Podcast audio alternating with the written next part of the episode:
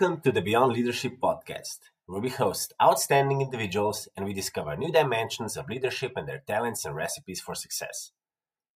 This is our 14th audio tip of the week. Here are some fun facts about number 14. In Tarot, the number 14 represents temperance and self control. As we all know, February 14th is St. Valentine's Day. 14 is also the atomic number for silicon. And in golf, a player can have no more than 14 clubs in the bag. In Slovenia, there's 15.1% of people ages between 0 and 14. Now let's start today's tip of the week. In this tip of the week, we look at giving feedback remotely. We all know giving feedback is a great way to improve, to grow, and to learn new things. Delivering constructive feedback is oftentimes nerve wracking. So, how do we give feedback remotely? Today's tip of the week is based on the article Giving Critical Feedback is Even Harder Remotely, written by Huston, published in January 2021 in Harvard Business Review. Giving critical feedback is even harder remotely. When trying to make your coworkers better and to realize their areas where they can grow and improve, we need to provide a constructive feedback.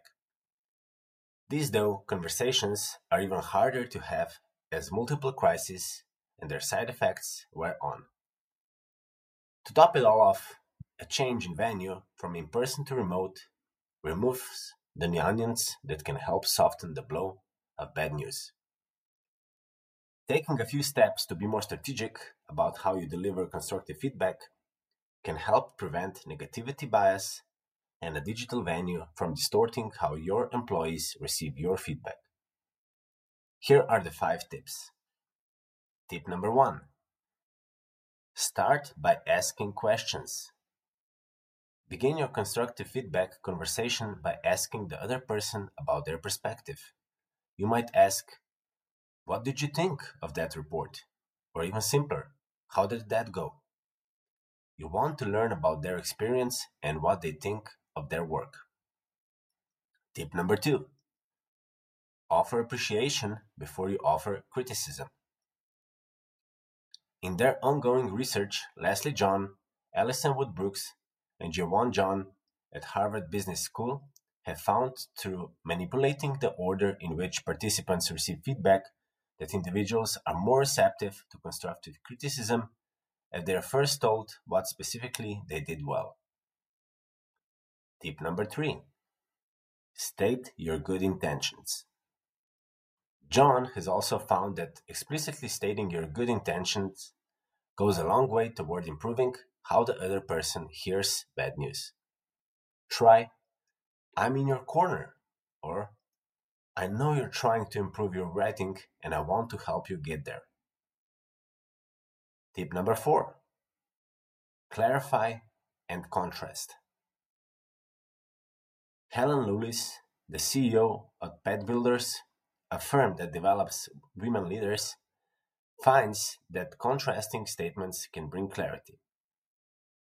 After you raised your concern or suggestion, follow it with what I mean is, and what I don't mean is.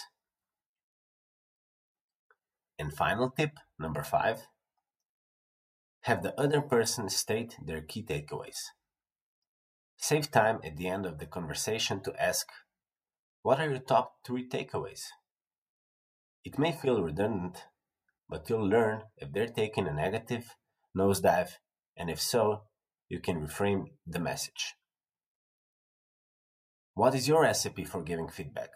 How do you cope when you receive feedback? This concludes this week's tip of the week. Make sure to subscribe and follow us on all podcast channels like Spotify, Apple, Google, Castbox, and also follow us on YouTube, LinkedIn, Instagram, and Facebook. Till next time.